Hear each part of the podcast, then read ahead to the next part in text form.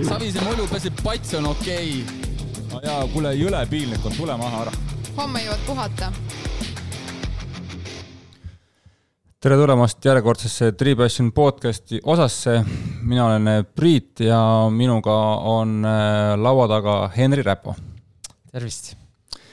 ja me lindistame seda osa natukene äh, varem, kui see tõenäoliselt läheb äh, laivi praegu on mai teine pool, aga tõenäoliselt see jõuab laivi juulikuus ja me plaanime seda vahetult enne Eesti meistrivõistlusi just. ja eks Henri juba muigab, et ta juba eeldab, et millest me siin võib-olla saate lõpupoole siis rääkima hakkame. aga alustame nagu ikka nendest tavalistest asjadest, et eh, kuidas sa spordi juurde jõudsid ja kui kiiresti läks sul aega, et jõuda selleni, et triatlon on sinu siis nagu põhiala minu sportlaskarjäär võib-olla sai alguse siis äh, sellega, kui õde läks kooli. õde on must siis kaks aastat vanem. ja tema läks äh, kooli minnes ujumistreeningutele ja siis ema tahtis, et ma oskaks ka ujuda ja siis läksin temaga kaasa. ja siis alguses käisingi lihtsalt ujumas ja siis, kui kooli läksin seitsmeaastaselt, siis lisandus suusatamine juurde, et äh, lähtel oli siis kohalik suusatreener, kes äh, nägi minus kohe nagu sellist äh, potentsiaali ja siis kutsuski suusatrenni. ja sealt siis ega täpselt ma ei olegi nagu endale selgeks teinud, kas ma olen ujumistaustaga või suusatamise taustaga, et et algselt äh, oligi nii, et ma olin all, äh, talvel suusataja ja suvel siis äh, ujuja või vahepealsel ajal. et ega täpselt ei tea, jah. aga kus sa käisid ujumistrennis? ujumas käisin Tartus. kelle juures? ikkagi äh,. alustasin Anneli Jaali juures ja siis kui jällegi õe tase jõudis natuke kõrgemale, siis võeti mind sinna vanemasse vanusegruppi ka kaasa ja siis oli Mihhail Krupin ah, okay. treener. Miša juures olid? aga suusatreener Lähtel? Suusatreener oli Raul Edela. aga sa siiamaani ikkagi siis, siis su suutad, on ju, talvel? Äh, noh, sellel aastal jõudsin suusarajale ainult ühe korra, mis on äh, natuke piinlik, aga aga üldjuhul jah, ma ikka olen suusatanud, et äh, võistelnud küll ei ole ammu enam, aga, aga suusatan ikka, jah. ma just oleks küsinud ka, et oled sa kuskil võistlusel käinud ka mingisuguste Est-, Estolõpeti maratonidel midagi niisugust mida välja tooks, mis on nagu võib-olla niisuguse viimase, ma ei tea, kümne aasta hea niisugune suusatulemus, mille sa tegelikult oled teinud suht nagu triatloni nii-öelda treeningute pealt, et? Äh, ma just siin äh, kodutööd tehes natuke vaatasin ka neid tulemusi ja kaks tuhat kümme aastal, äh, kui ma siis olin kaheteistaastane, siis ma võitsin ETV Swedbank suusasari, mis oli siis noorte nii-öelda kõige kõvemad võistlus, võistlussari siis. seal ma võitsin ühe etapi ja ühel etapil olin teine ja siis nii-öelda hooaja kokkuvõttes olin kolmas, et need võib-olla olid suusaaegade kõige nagu kõvemad tulemused. ja siis, kui juba triatloni juurde hakkasin jõudma, siis äh, jällegi talvel võistlesin ja võib-olla viimane tulemus oligi seal Eestikate kuues koht, et seda ma mäletan, et ma ei olnud vist sadat kilomeetritki suusatanud ja siis läksin ikkagi starti ja läks päris hästi. on sul meeles ka tolleaegsed ütleme siis selle suusa mingisugused konkurendid sul seal noortest näiteks? Äh, jaa, praegu alles jäänutest ongi minu vanuses Henri Roos, kellega siiamaani suhtlen ja üritame ikkagi trenni koos teha vahepeal, et, et tema on nagu üheksakümmend kaheksa siis vanusest äh, ainukene mm -hmm. alles. okei okay., aga ujumistrenningud, kui nüüd Auras käima hakkasid, hakkasid suht hästi minema kohe? ujumises äh, ma mäletan, et äh, ma olin kogu aeg teine. mul oli üks äh, trennikaaslane kogu aeg võitis mind ja siis, kui seal VTSL-i kuskil finaaletapil tegin talle esimest korda ära, siis äh, võitsin ühe korra ja siis tuli teine trennikaaslane, kes hakkas mind võitma kogu aeg. et ma olin seal kogu aeg teine ja siis äh, jah, ega mulle tegelikult väga see ujumisvõistlus nagu ei meeldinud ka, et äh, kuidagi ei sobinud see lühike, lühike distants. aga mis sa siis ujusid, mis, mis maid ja mis alasid umbes? Äh, ma olin ikka krooli ja ütleme, libliku pigem, et äh, või noh, seda võib-olla ei saa päris äh, nimetada nagu spetsialiseerimiseks, sest ma noh, kõiki alasid tegime, et ei, siis ei saanud nagu aru sellest väga. okei okay.. millal jõudsid siis ratta juurde? ratta juures, juurde ma võistlesin jällegi, ma tegin neid Tartu maratoni neid nii-öelda lühemaid distantse, just maastiku omasid ja siis äh, esindasin Vooremaa tsentrumit äh, paaril rattavõistlusel, kus siis äh, Kaido Kriit mind äh, alati kutsus starti. ja isegi olen võistelnud Urumarja noortetuuril, kus ma olin, noh, esimene etapp oli proloog, seal ma olin äkki kuskil viie hulgas, siis teine võistlus oli triatlon, selle ma võitsin ja läksin liidriks siis ja siis jah, enne viimast etappi ma olin ka seal kuskil poodiumi kohal, aga viimasel etapil kukkusin ja siis äh, ei saanud lõpetada mm. -hmm. Okay. et nagu päris niisugune isegi nagu rattaspordi koha pealt päris nagu võõras ei ole, nii et. Äh. ei ole jah, et ma ikka jah, ütleme kogu aeg olen rattaga sõitnud ja see nagu meeldib. ja triatloni juurde jõudsid, mis aastal umbes esimesed võistlused tegid ja kuidas see siis välja, välja nägi? Äh, esimene, esimest korda ma arvan, kuulsin kuskil kaks tuhat üheksa aastal. Äh, ma mäletan, äh, olin ujumislaagris Annimatsil Otepää lähedal ja siis trennikaaslane Hendrik Ütt käis triatlonil ja siis ta rääkis mulle, et nii lahe on ja et, et ma peaksin ka proovima, et jooksen hästi ja ujun hästi, et, et võiks proovida. ja siis kaks tuhat kümme aastal tegingi oma esimese triatloni tegemist oli Kohtla-Järve triatloniga. ma arvan, et seda väga palju ei ole ajaloos rohkem korraldatud, kus me siis ujusime seal kuskil täiesti kuskil äh, purskkaevuga tiigis ja siis seal ümber äh, sõitsime rattaga ja jooksime. Aga see võistlus oli hästi sihuke põnev, et äh, seal võib-olla isegi üks distants ainult oli ja kõik võistlesime koos ja õde oli ka ja, ja peaaegu oleks õelt pähe saanud, aga ütleme jooksus, siis äh, võitsin ikkagi teda. meile on saatest käinud ka siin Johannes Sikk ja Armin Angerjärv, kelle jaoks on mõlemal kuidagi see jooks väga loomulikult tulnud, kas sul on umbes sama on? ei, minu jaoks ei ole, et äh, eks noh, nooremana nagu väga ei, noh, kooli tasemel ma ikka nagu võist-, võitsin ja maakonna tasemel, aga aga kui siis hakkasin nagu triatloni rohkem tegema, siis äh, siis nagu Euroopas sain aru, et tegelikult ma ikka ei jõua joosta või väga ei jookse. et ma olen selle kallal nagu väga palju ikka tööd teinud, et äh, nüüd on nagu ütleme parem mm. -hmm. aga lähme edasi, mis on niisugused esimesed triatloni aastad, mis siis sulle siis nagu õpetasid, et miks sa ikkagi sinna siis nagu pidama jäid, et äh, mis siis ikkagi nagu võlus sind selle juures, et kas see mingi pidev niisugune areng siis? ma arvan, et meil oli, meie vanuses oli siis hästi sihuke tihe konkurents. kaks tuhat kümme aastal ma tulin Estikatel kohe kolmandaks, esimesel aastal siis. ja aga meil nagu jah, see nii-öelda konkurents seal oligi võib-olla isegi kümme poissi, kes nagu konkureerisid.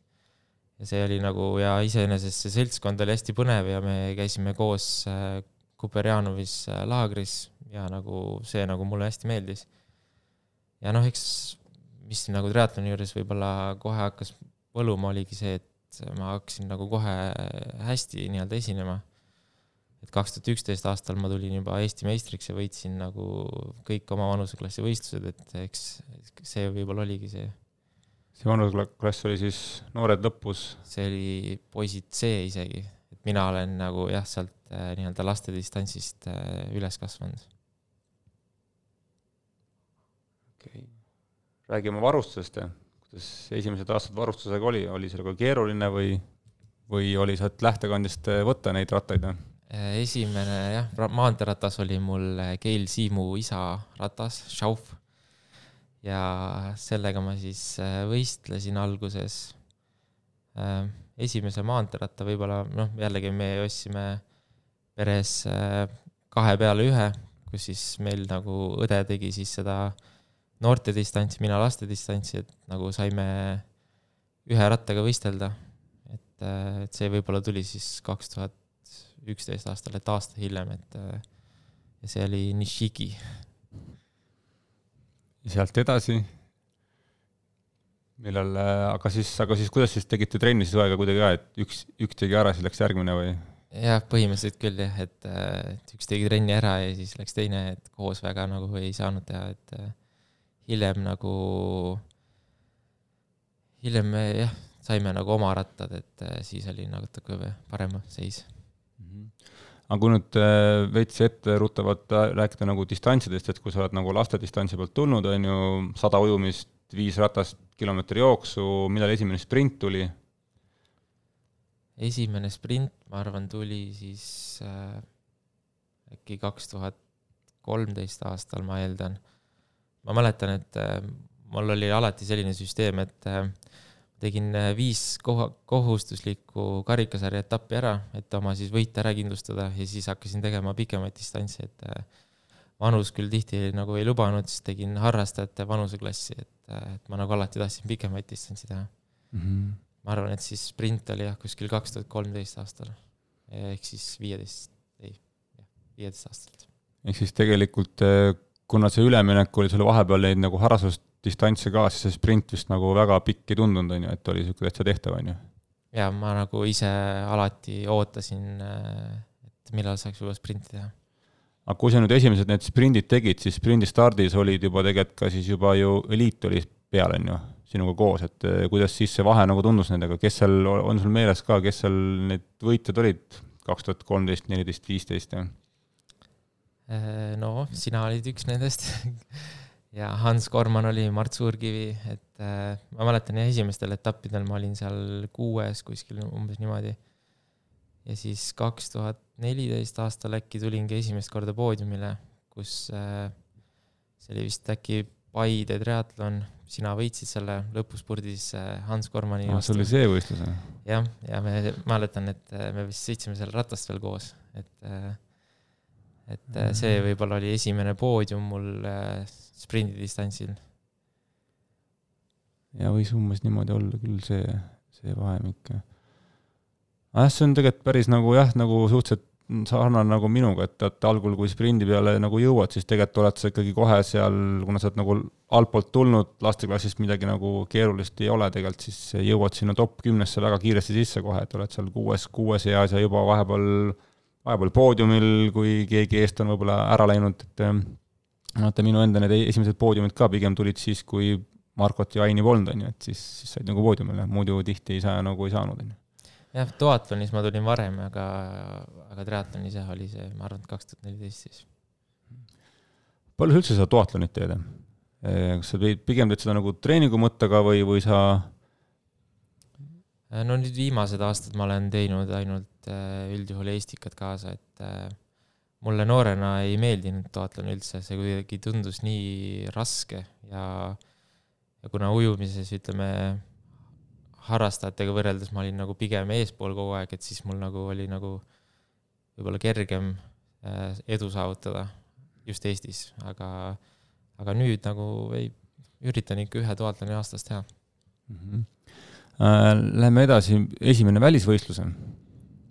Või nagu millal sa jõudsid siis sinna, ütleme siis Eesti Triatloni Liidu või mõne siis nii-öelda treeneri huviorbiiti, et näed, et Henri võiks minna nüüd välismaale ka, et millal niisugune muutus toimus? Äh, noh, eks ma välismaal võistlesin kuskil seal Soome Helsingi triatlonil, see oli mingi lastedistants, aga koondisega oli esimest korda võimalus kaks tuhat kolmteist aastal, aga siis ma olin äh, jällegi liiga noor, et äh, seal koondis pandi paika sprindidistantside põhjal, aga mina tegin veel noortedistantsi, et siis ma nagu ei pääsenudki, nagu tegelikult oleks võinud, võimalus olnud, aga ei pääsenud nagu. aga esimese jah, välisvõistluse tegin kaks tuhat neliteist aastal Äh, see oli Hollandis äh, noorte olümpiamängude siis kvalifikatsioonivõistlus äh, Hollandis ja seal oli ka sprindidistants, jah. Ehk siis tegelikult kaks tuhat neliteist oli ikkagi nagu väga selge sprindidistants, et nii-öelda lühemaid maid ei, ei tehtud siis on ju sellest yeah, välismaa mõttes? jaa, siis olid, siis ma hakkasingi jõudma sinna juuniori vanuse juurde, et siis hakkasid sprindid tulema. Kes siis veel koondises oli, kaks tuhat neliteist? kaks tuhat neliteist aastal seal me käisime, äh, Artur Kooser oli, Laura Kallas ja Eleri Etverk, et äh, me tegime ka seal seda teatevõistlust.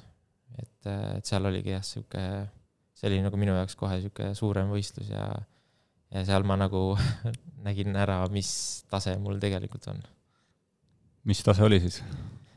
see, ma kaotasin võitjale sprindidistantsil kaheksa minutiga. et äh, ujumises juba tuli kaks pool minutit kaotust ja jooksus juba üle kolme minuti, et äh, tegelikult ma olin ikka nagu päris kaugel Euroopa tipust. Okei okay Äh, see meeskonnavõistlus, mismoodi see oli siis, et äh, igaüks tegi triatloni läbi ja andsite pulga edasi, on ju? jah, see oli, ütleme täpselt nii, nagu ta praegu nii-öelda välismaal on, et äh, et tüdruk-poiss, tüdruk-poiss vahetused ja mina tegin seal viimast vahetust. aga eks me, meil nagu väga hästi seal ei läinud, et, et jah ähm edasi minnes siis äh, äh, vaatasin, et esimesed, ütleme siis Eesti meistritiitlid hakkasid sul tulema kaks tuhat kaheksateist ja sealt edasi sul keegi väga sealt maha lükanud ei, ei ole, et äh, on küll nagu proovitud erinevad mehed, aga seal on nagu suht napilt ikkagi sina oled peale jäänud seal, et äh, et ütleme, see nüüd, need vaheaastad seal, ütleme, võtame siis kaks tuhat neliteist kuni kaheksateist, et kuidas need aastad läksid, et kas siis hakkasid juba nagu tihemini välismaal käima kuidas üldse see treeningprotsess, see vahemik umbes nagu toimus, et eh, või millal hakkas koostöö Margus Tammega? Äh, kaks tuhat neliteist jah, oligi ehm, esimest korda käisingi seal välisvõistlusel, nägin ära, et millega ma tegelema pean reaalselt. ja siis äh, hakkasin käima Kaja Haljaste juures ujumises ja aastaga arenesin äh, tohutult just ujumises, et äh, kaks tuhat viisteist aastal käisimegi seal äh, Kevini, Kevin Vabaoruga siis seal äh, koolinoorte MM-il ja seal nagu mõlemad olime kohe ujumises eesotsas, Kevin küll äh, täitsa vist esimene äkki. et, et siis sealt ma nagu nii-öelda hakkasin ujuma. ka Margus Tammega alustasin koostööd alles kaks tuhat kuusteist aga enne seda, kaks tuhat viisteist ma käisin äh, temaga laagris, kevadlaagris koos. seal oli sihuke juhtum, et äh, mul õde pidi temaga minema laagrisse, aga sai siis äh, jalgratturite koondisesse. ja siis ma läksin tema asemel sinna kevadlaagrisse. enne seda oli Karel Viigipuu mu treener ja eks ma siis seal kevadlaagris nagu sain võib-olla parema pildi ette, et milline see triatloni treening võiks et ette või välja näha. ja just see, kõik see nii-öelda professionaalsus, et äh, ja siis äh, kaks tuhat viisteist aastal tegin oma esimese juunioride Euroopa karikaetapi. seal ma olin kaheksas ja siis hooaja lõpus võtsingi Margus Tammega ühendust ja, ja alustasime oma koostööd. tegelikult kaheksas koht on ju päris hea ju, esimese etapi kohta kohe, kui lähed ja top kümnes, et äh, või noh, tegelikult see vist tegelikult ei olnud päris esimene etapp äkki, et äh, ma olin seal varem ka teinud, aga aga see oli nii-öelda edukas nii-öelda etapp, et äh, paar nagu täitsa suvalist küsimust, et äh, ennem ujusid Mišal, läksid nüüd Kaja alla, kuidas see ujumisklubi vahetus toimus, oli seal mingi tüli ka sellega või? Äh, otseselt minuga tüli ei olnud, aga, aga väike konflikt seal oli, et äh, et jah, teades, kuidas need klubivahetused seal noorteklassides on, et seal võib olla noh, jah, et kui tahad nagu midagi muuta, siis on päris nagu keeruline võib-olla see. aga et siis, et siis ikkagi see hetk, kui jah, kaks tuhat neliteist hakkasid seal otsima treenerit, kuidas siis, kas siis selle Viigipuu juurde jõudsid ka siis ka koos Kajaga enam-vähem, et hakkasid nagu siis paralleelselt eh, Kajaga ujuma ja Kareliga siis tegema muid asju? jah, täpselt nii oligi, et eh, Kajaga käisin eh, ujumistrennis ma olin, äh, meil oli jälle seal hea treeninggrupp, et äh, Gregor Tsirk ja Tiit Matvejev ja ja nendega ma nagu koos treenisin ja ütleme, Karel siis tegi nagu ülejäänud plaani, et, et jooksu ja ratast. ja see hetk sa käisid koolis veel, on ju? ja, ja käisid Tartus koolis juba või? jah, ma, ei ma käisin terve oma nii-öelda koolitee olin Lähtel, et et ikkagi siis pidid nagu Tartu vahet sõitma mingil määral? jah jah, et mul äh, vanemad on äh, olnud pikka aega autojuhid. okei okay.. aga jah, see õnneks see vahemaa väga pikk ei ole, et see on. jaa, see on äh, viisteist kilomeetrit, jah um,. räägi esimesest laagrist Margusega. mis, ma eeldan, et see oli Benitormis ja, ja mis siis seal siis toimus, kes veel laagris olid ja mis need raskemad treeningud siis see hetk seal olid? Ma arvan, et kõik, kes Margus Tammega on laagris käinud, teavad ka neid kukkumisi ja selliseid õnnetusi. Nendest ikka räägitakse. ja mina olen ka siis päris ütleme, mitme jutu allikaks, et kohe esimeses treeningus äh, suutsin ka külje maha panna. ja siis äh, mäletan, olin Kaidi Kivioja ja Hans Kormaniga koos trennis ja esimest korda mulle, minu jaoks oli see sihuke hästi suur hetk, et äh, nad olid mul ikkagi eeskujud olnud ja ja nendega koos trenni minna ja siis kohe kukkusin, siis ma mäletan, ma olin äh, päris löödud sellest. ja siis äh, äkki järgmine päev sellest kukkumisest äh, paranesin, parandasin oma haavu ja siis ülejärgmine päev kukkusin uuesti. ja see oli siis äh, ütleme, mingi kakssada meetrit ööbimiskohast ja suutsin uuesti külje maha panna. siis oli küll sihuke, sihuke hetk, et äh, kuidas nagu see võimalik on. et äkki see rattasport pole ikka minu jaoks? jah, täpselt, et ja siis sõitsingi ööbimiskohta või hotelli tagasi ja läksin hoopis jooksma, et äh, natuke rahustada ennast, et äh, aga jah, see need on nagu esimesed nagu mälestused Marguse laagrist, et et konkreetselt esimesest rohkem nagu väga meelde ei tule ainult neid kukkumised. aga siis te elasitegi siis ikkagi Beni, Benitormis, on ju? jaa, Benitormis ikka, jah. sees, on ju aga need, ütleme siis, kui edasi rääkida, ütleme mingisugused seal mingid äh, treenimine mägedes, pikad rattatreeningud, need nagu nii-öelda probleemiks ei olnud, kuna sul oli äkki siis suusatamise taust olemas, et nii-öelda jalad, jalad olid juba tugevad, on ju, et jaa, minul, ma olen Keviniga tihti nagu rattatrennis rääkinud, et ja nagu mõelnud, et mul vist ei ole kunagi tulnud sellist ratturite keeles siis ponki. Et äh, ma, ma ei ole nagu pidanud lõpetama mingi energiapuuduse tõttu rattatrenni või midagi taolist, et äh, ju mul see taust on selline hästi mitmekülgne olnud, et äh, kooli ajal ikka nagu mäletan, et mina tegin alati oma trennid ära ja läksin siis teistega nii-öelda veel jalgpalli mängima, et kui kool lõppes kell kaks, trenn lõppes seal neli, ütleme siis neljast üheksani ma olin kindlasti jalgpalli mängimas, et, et eks sealt mul see nii-öelda taust on tulnud mm. -hmm. kuidas Margusega koostöö hakkas? et selleks hetkeks olid siis juba Kareliga olnud äh, koostöös mingi kaks aastat umbes? jah, kaks-kolm aastat äkki oligi, et äh, ja siis äh, õde, õelt saingi nii-öelda kontakti ja siis helistasin Margusele ja siis saime kokku, rääkisime nagu plaanid ära ja mäletan jah, alguses oli hästi nagu suur muutus oli ikkagi see, et kui palju rohkem ma hakkasin trenni tegema, et äh, alguses oli see ehmatav, aga tegelikult ma nagu ikka nautisin seda täiega. Et just ikkagi nagu mahuliselt hakkas siis nagu koormused tõusma, on ju? jah, et, äh, et iga päev ujusin ja siis sinna juurde veel äh, kõik jooksud ja rattad, et see oli nagu suur muutus. ja vanasammas sa olid siis, kui Margusega see koostöö hakkas? Äh, ma olin äh, kas seitseteist äkki siis või, ka seitseteist või kaheksateist, et äh, juunioride nii-öelda viimased mm -hmm. aastad um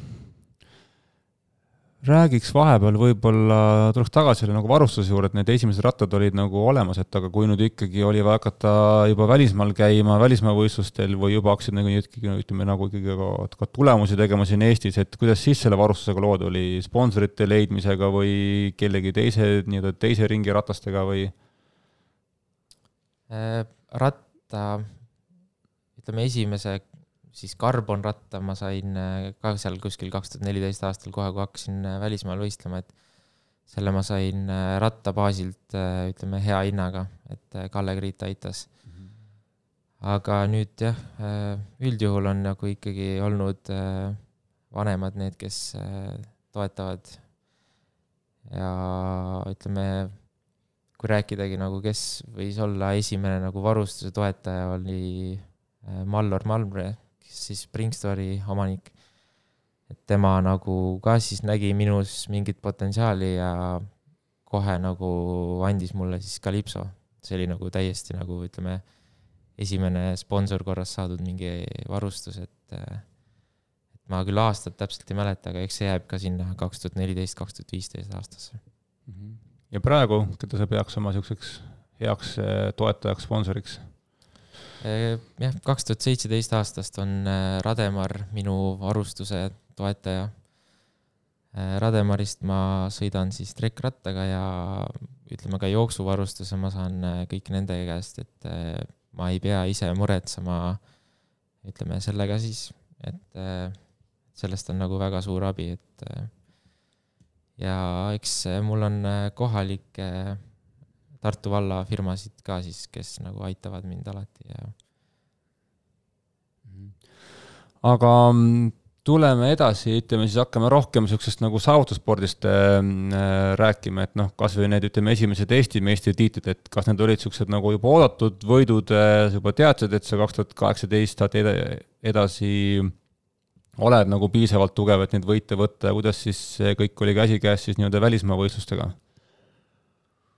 Äh, eks võib-olla ikka nagu oodatud oli, aga kaks tuhat jah, kuusteist siis äh, ma, kui ma Margusega olin juba nii-öelda natuke koostööd teinud, siis äh, ma võitsin Euroopa karikaetapi juuniorides. ja siis teisel olin neljas ja nagu need olid nagu kohe siuksed märgid, et et kui ma Euroopas suudan ka juba mingeid asju teha, et siis äh, siis ei tohiks probleemi olla Eestis teha, et äh, ja tegelikult äh, huvitav fakt on see, et äh, ma tulin ennem Sloveenia meistriks triatlonis kui Eesti meistriks. millal see oli siis? see oli kaks tuhat seitseteist aastal, jah, me olime jälle Keviniga Sloveenias laagris ja siis, siis pakuti meile, et kas me tahaks võistelda Sloveenia meistrivõistlustel. et see oleks hea ettevalmistus tiitlivõistlusteks, sest seal äh, ütleme, konkurents oli päris kõva ja oligi nagu grupisõit, et äh, meid oli seal võib-olla kümme-viisteist tükki ühes nagu liidergrupis, et äh, taseme poolest oli nagu päris kõva. ja siis üllataval kombel suutsin ka kõige kiiremini joosta, et võitsingi Sloveenia meistritiitli äh on sul meeles, millal sa esimest korda Estikatel poodiumile jõudsid ja kes seal ees olid siis? Äh, kuna sprindidistantsi Estikaid meil ei olegi nagu olnud, äh, ütleme, et siis absoluutklassis või selles, siis äh, kohe esimesel Eesti meistrivõistlustel ma võitsin. see oli siis kaks tuhat kaheksateist aastal. ütleme, see võit ei tulnud mul väga mugavalt ja kergelt, et ma võitsin äh, seitsme sekundiga Ivo Suurt ja see oli päris sihuke korralik õppetund mulle, et äh, siis ikka väikene ponkimine oli seal jooksus või? ma midagi sealt äh, mäletan, et see, ütleme jah, mul tolleks, ma olin, see oli mul teine olümpiadistants. esimene oli Euroopas, Euroopa karikaetapil sama, sama aasta alguses ja see tuli nagu ütleme üllatavalt nagu kergelt, et äh, eks see grupisõit on ikkagi natukene võib-olla kergem. ja siis Estikatel ma, ma nagu, eks mul see asend ratta seljas ei olnud päris nagu õige ja mul pistis. ja siis ma mõtlesin, et, äh, et kui mul pistab, et siis ma rohkem ei joo ega söö ja siis äh, ja siis jooksudistantsi viimast viitsadat ma nagu väga ei mäletagi ja enda arust äh, enda arust nagu tegin mingit lõpuspurti, aga, aga videotes näha on, et lihtsalt ütleme, kukkusin üle finišijoone. no aga vaat, kui hästi meelde jäi, et et jah, sa nii-öelda lõpetasid selle Ivo Suure selle nii-öelda siis võidu, võidud ära sellega, et Ivo oli just, minu arust eelmine aasta võitis kõik, mis minu arust võita andis seal, et võitis pooliku Eestikad, võitis olümpia Eestikad, on ju, et siis. jah, et eks äh, see eks ma ikka kartsin ikka päris kõvasti teda, et äh, ma teadsin, et ta on väga kõva rattur, et äh, aga ma nagu, nagu mõtlesin ka, et jooksus peaks nagu suht võrdne olema. ja noh, tegelikult äh, ei oleks see nagu võit nii napikas olnud, et äh, kui ma oleksin nagu korralikult toitunud ja söönud joonud, tähendab. et äh, jah, et ma jooksin seal ikka oma kohta nagu aeglaselt. Aga need aastad siis ütleme alates seal kaheksateist ja edasi, ega olümpiadistantsi ju ei tulnud väga tihti ju teha, on ju, et äh, pigem olid kõik ikkagi sprindi peale. et välismaal käidud olid kõik enamasti sprindid. jah, et kaks tuhat üheksateist tegingi äkki ainult ühe olümpiadistantsi, jälle Eestikat, siis läks nagu vähe paremini, et äh, suutsin nagu pikalt võita. ja siis äh, jah, ega seal vahepeal vist Euroopas ei võistelnudki Euroopa karikaetappe olümpiadistantsis, et pigem olid kõik sprindid. kas mingi hetk see muutus ka või? tulid rohkem olümpiadistantsid peale ka välismaal käies või? sest ma just sellepärast nagu küsin praegu, et, et praegu tundub, et see maailm läheb kõik nagu jälle nagu lühemate peale üle, et kas sul oli ka vahepeal oli rohkem neid olümpiadistantse välismaal käies või ikkagi enamik olid juba lühikesed? Äh, kõige rohkem olümpiadistantsi oligi mul eelmine aasta, kaks tuhat kakskümmend üks, kus ma tegin äkki neli või viis olümpiadistantsi, et, äh, et äh, ja nagu just noh, minu jaoks ma nagu võib-olla tunnen, et et äh, ei ole see hea, et läheb nii lühikeseks, et ma ise olen nagu järjest rohkem tundnud, et see olümpiadistants on nagu mulle sobilikum. et suudan ennast nagu rohkem seal äh, realiseerida. Kuidas sa üldse nagu olümpiadistantsi oma sihukest nagu taktikat äh, seal paika paned, et ma tean, et sa oled seal korduvalt üritanud eest ära sõita ja, ja ikkagi ütleme nagu riskinud rohkem, mitte seal grupis taga seal kohvi juua ja et kuidas seda kommenteerid, et kui nüüd nagu starti lähed, siis enamasti sa ikkagi ju tead, et kes seal umbes stardis on, mis need tasemed võiksid olla, kas keegi võiks eest ära ujuda. et kas sa tunned ennast praegu seal vees ka nagu piisavalt mugavalt, et et pigem kontrollid seda, et pead seal ees, ütleme seal grupi eespool olema või see on ikkagi niisugune, et pead ikkagi suhteliselt palju pingutama, et, et esimestega välja saada äh,? ikka jah, see ütleme, see tase Euroopas ja maailmas on äh, väga, ütleme, hullumeelne, et, äh, et ujumises, äh, ujumises ma, ütleme, tulen seal suht keskel välja, et, et aga, aga nagu see väga palju ei muuda, et millegipärast viimased aastad on kuidagi kujunenud, et, et kõik, või tähendab, tekib siis üks suur punt ja siis lähebki ikkagi jälle jooksuvõistluseks, et et väga vähe on selliseid olukordi, kus keegi eest ära saab, et, et jah, need, need jooks on nagu ikkagi see põhiline praegu. aga mis siis sa arvad, kas nagu ei, kas ei lasta eest ära, on seal mingid tiimitaktikad või lihtsalt keegi ei tahagi enam väga üritada? Ei, ikka üritatakse, aga lihtsalt äh, äh, pigem ei lastagi, et eks noh, me teame, need norrakad üritavad teha seda rattadistantsi võimalikult raskeks, et et neid kiireid jooksjaid oleks vähem, aga, aga meeste tase on nii kõva, et tegelikult kõik, kes seal, ütleme, seal pundis on, võiksid vabalt sõita ka eraldi starti nagu päris kõvasti, et see tase on nagu läinud ühtlasemaks, aga hästi kõvaks siis põhimõtteliselt hakkab kõik asi jälle otsast pihta, et siis hakkab positsioonivõitlus rattasõidu lõpufaasis ja kes siis esimeste seas vahetusalasse saavad, on ju, et.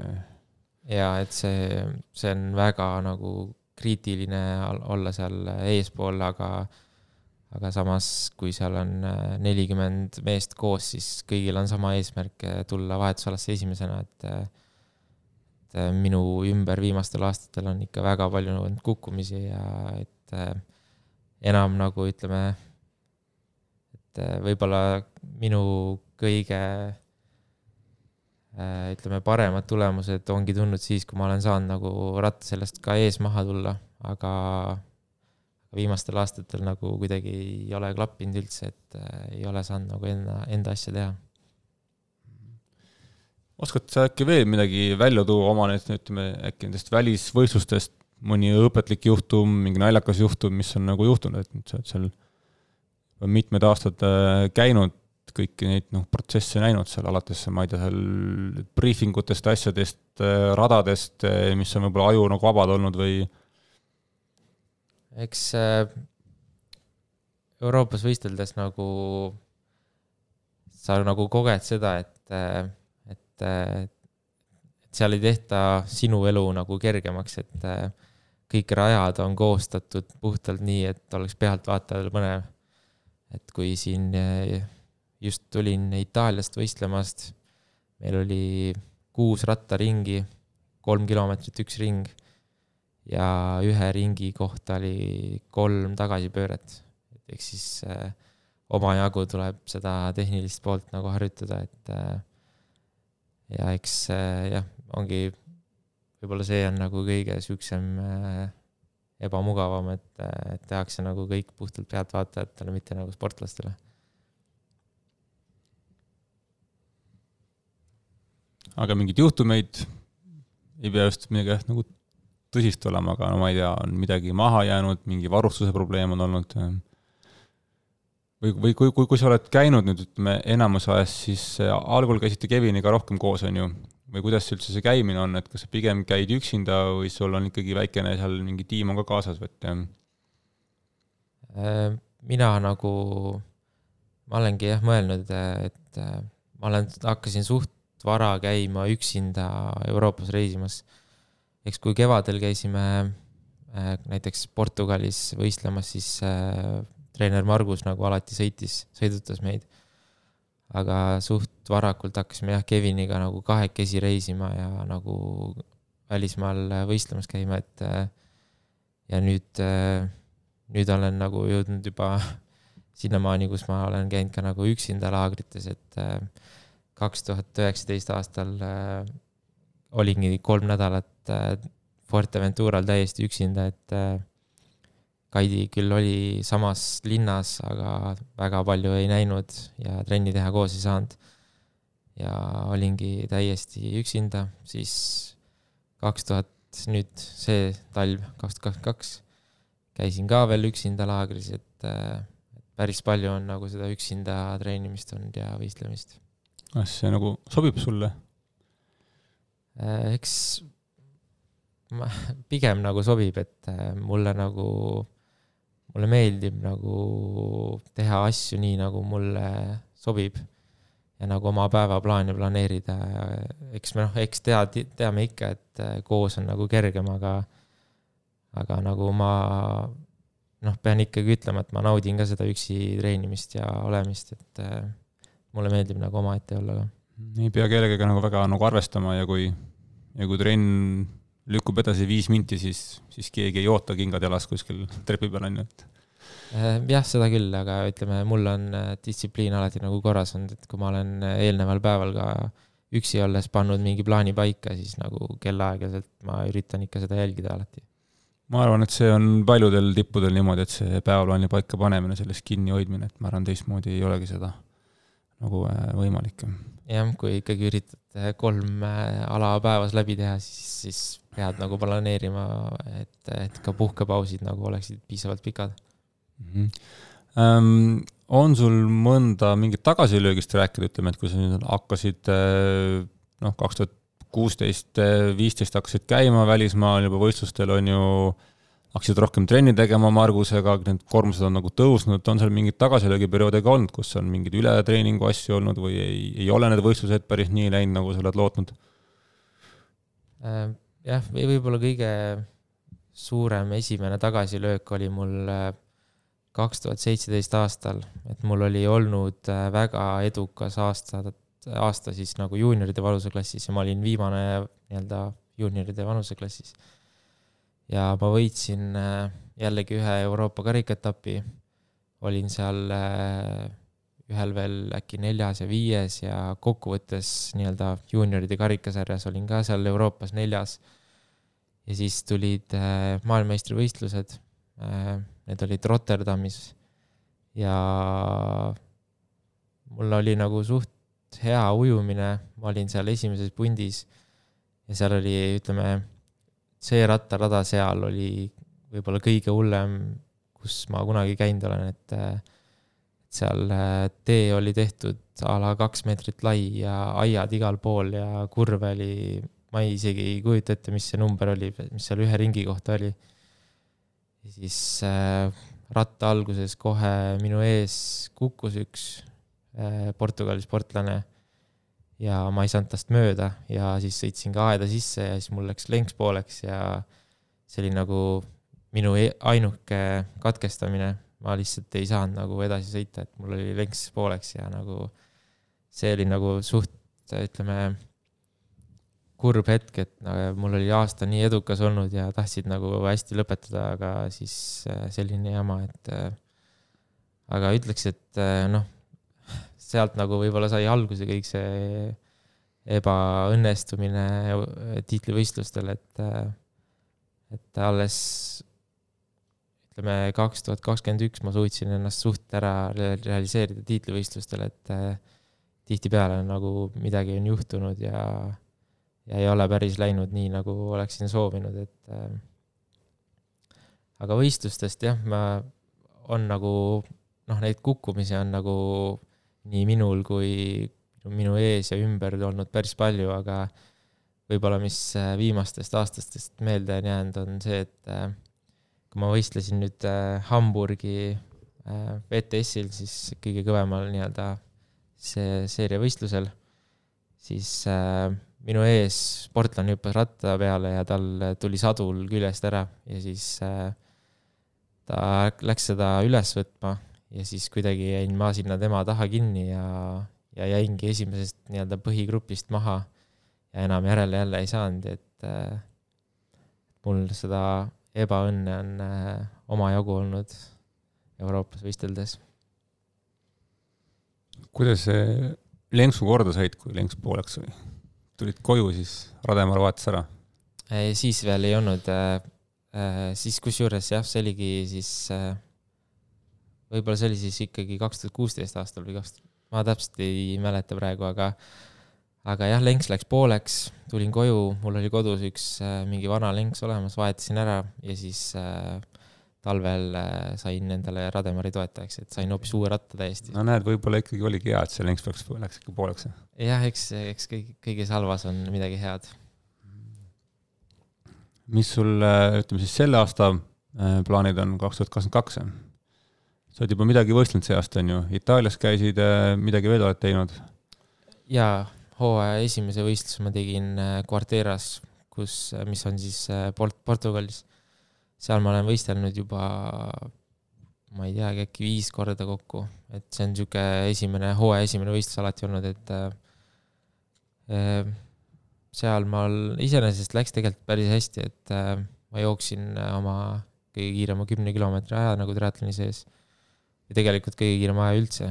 Ja siis äh, ja nüüd teise võistluse tegin äh, Itaalias, kus äh, kahjuks äh, jällegi oli ebaõnn, et olin peagrupis ja minu ees ühes tagasipöördes austerlane kukkus ja ma jäin kuidagi sinna äärekivi ja tema vahele kinni ja, ja siis enam ei suutnud peagrupile järele minna.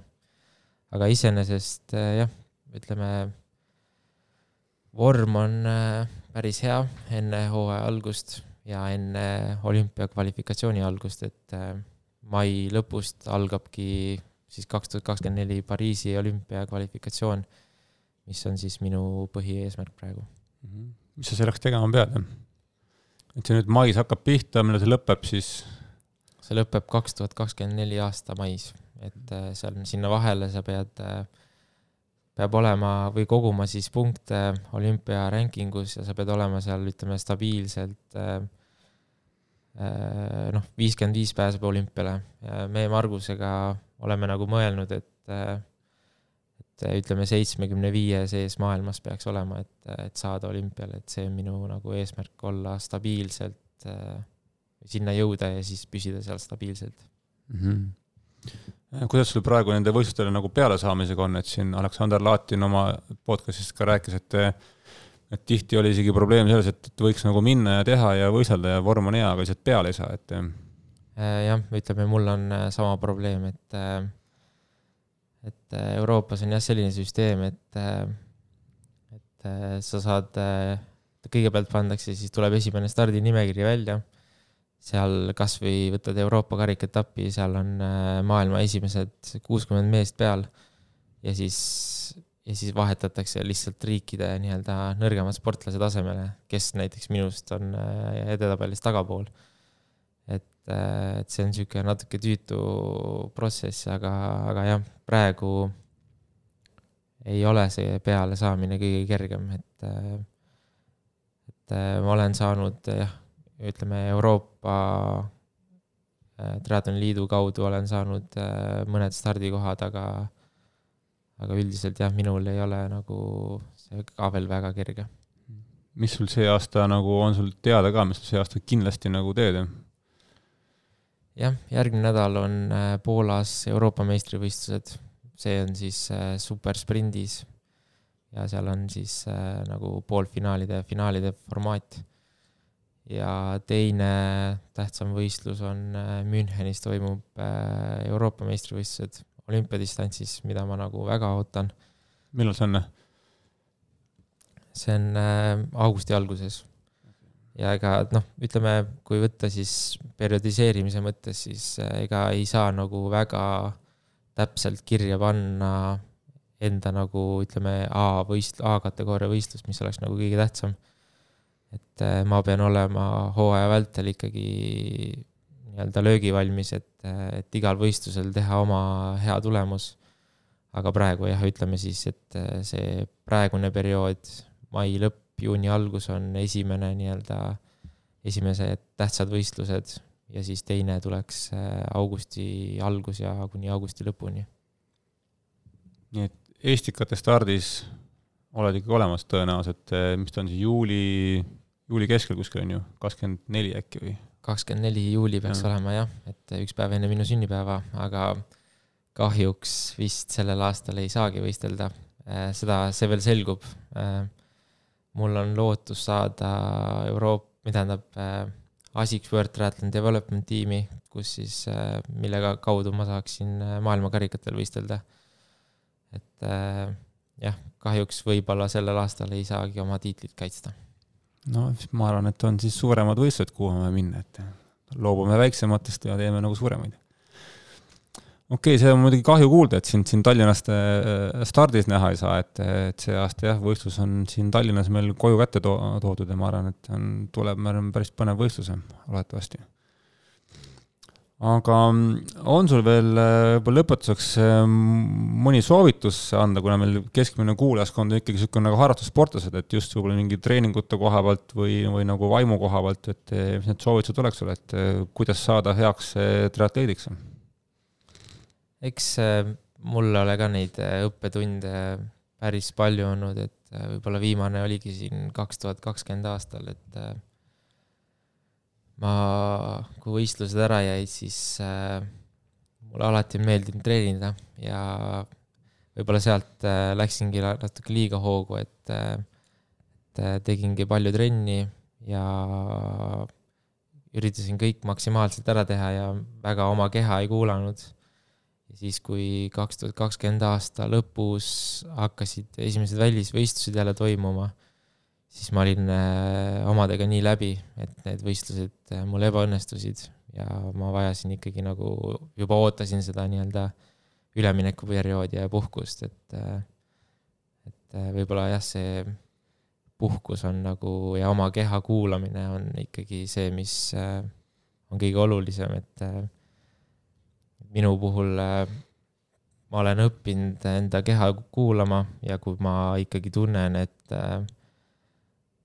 et äh, midagi on valesti, siis ma nagu enam ei karda trenni ära jätta, et äh, varem ma ikkagi sundisin ennast ja nii-öelda tegin ikkagi ära, aga nüüd nagu ma nagu usaldan ennast, et äh, kui ma selle ühe trenni ära jätan, et ma ei muutu halvemaks, et, et võib-olla järgmine päev on hoopis teine tunne ja parem tunne mm. -hmm. noh, sa praegu õpid ka kehakultuuri magistris, et eh, kas, palju sa ennast nagu testimas käid, kas või mingi koormusteste või mingeid muid teste, vereproove annad või, või on sul omad mingisugused nagu soovitused, et mis need niisugused nagu head niisugused, ma ei tea, mingid markerid on, et hommikul tõusen voodist üles, teen paar sammu, et mille järgi ma aru saaks, et kas ma täna peaks minema või mitte, et eks ma neid koormusteste olen teinud, aga võib-olla mitte enam nii palju, et äh, aga kes mind äh, lähemalt äh, tunneb, siis teab, et mul on hästi madal pulss ja ma olen äh, arstide vaatevinklis olnud juba juunior, või ütleme siis noortest saati. et, et jah, südameuuringud on mul olnud päris, ütleme, lähedased.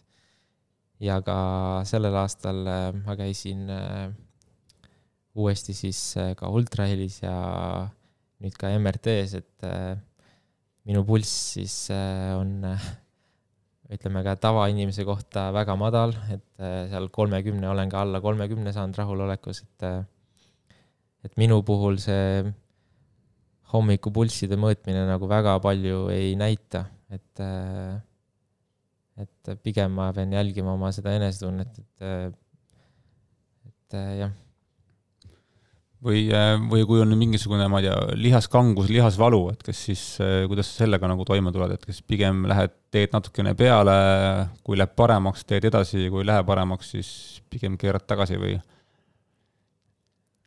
Äh, jah, lihasvalu koha pealt eks enda puhul olen märganud, et kui on, ütleme, raskem periood olnud ja tulevad kergemad treeningud, treeningud siis ma enne treeningut näiteks tunnen ennast äh, väga halvasti või on, ongi lihased valusad, siis kui ma teen selle nii-öelda taastava treeningu, siis ma pärast tunnen ennast kõvasti paremini, et, äh, et võib-olla nende, need kerged treeningud tulebki hoida nagu väga kerged, et, et oleks see aktiivne puhkus ja et see järgmistel päevadel saaksid uuesti olla löögivalmis mm. -hmm. nagu sellega nõus, jah üks teema, mille ma tegelikult unustasin vahepeal täitsa ära, et aga me oleme aega sellest äkki kiirelt rääkida, et eh, koroonaperiood, eh, üks-kaks aastat, eh, palju see siis nagu muutis sind, et see oli niisugune periood, kus ma ei tea, kas just paljud, aga hästi ikkagi oli inimesi, sportlasi, kes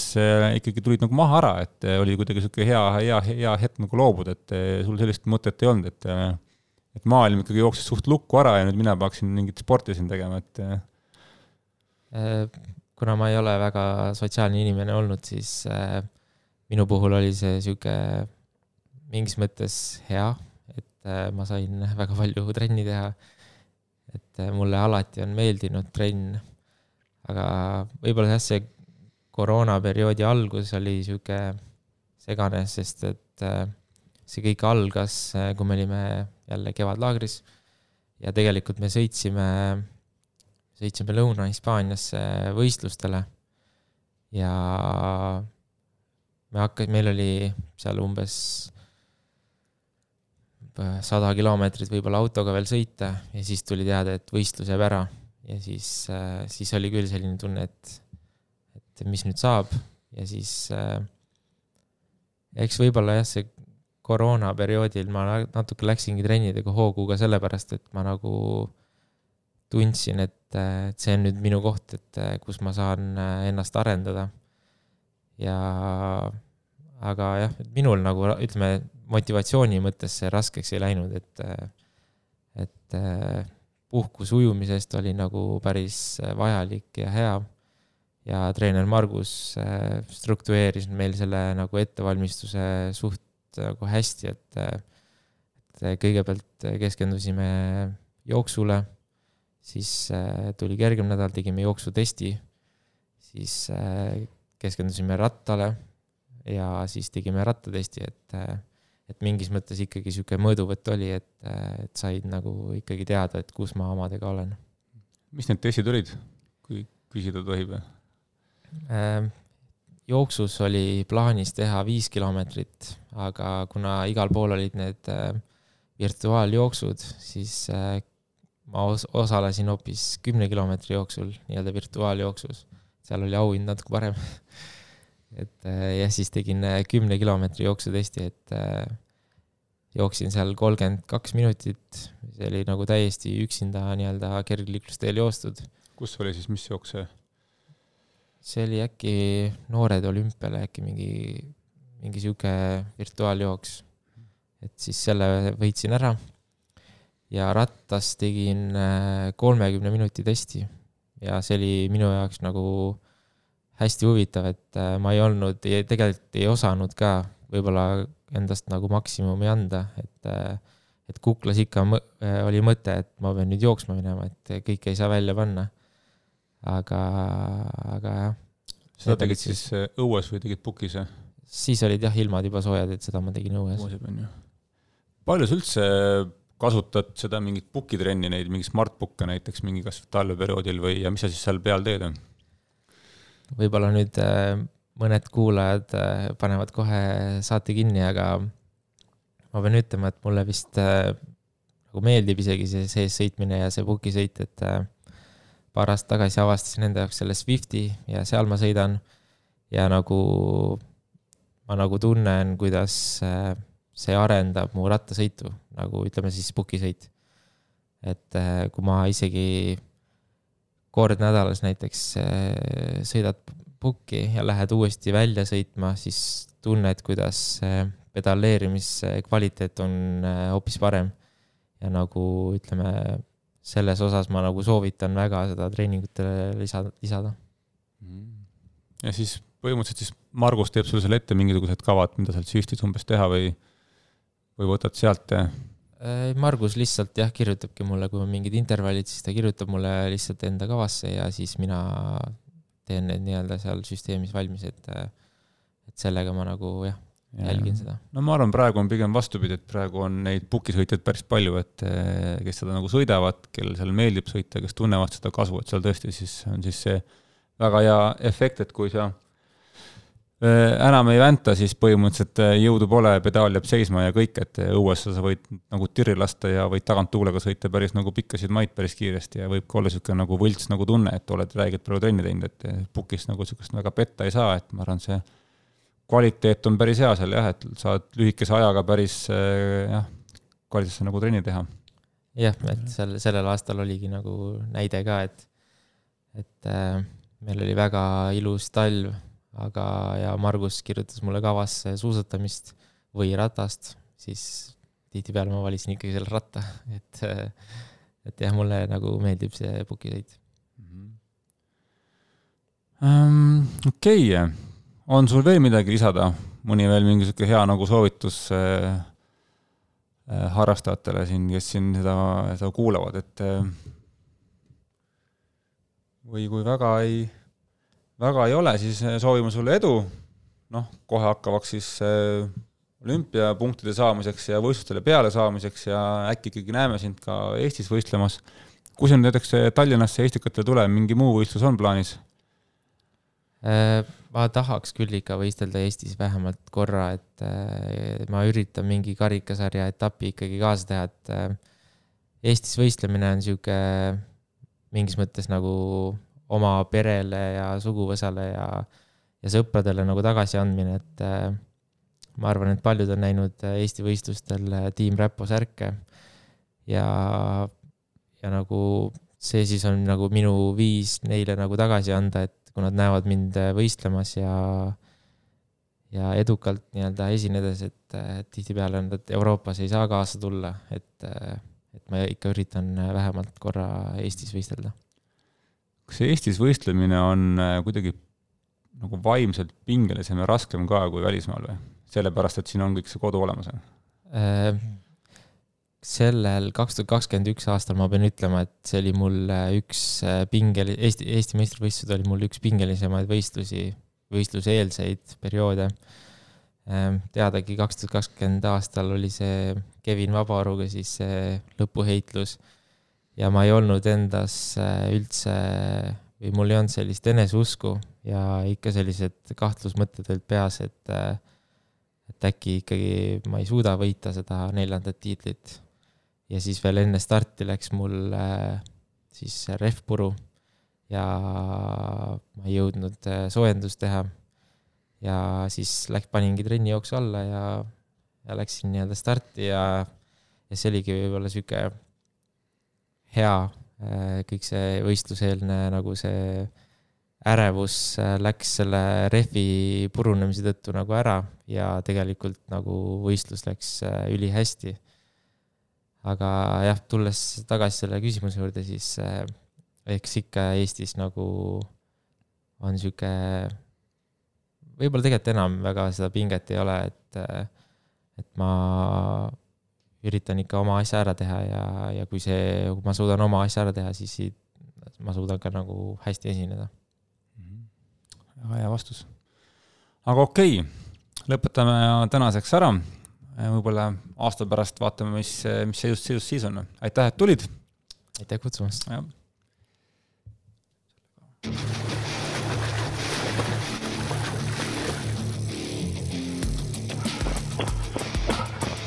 Savise mulju peseb pats on okei okay.. no jaa, kuule, jõle piinlik on, tule maha ära. homme jõuad puhata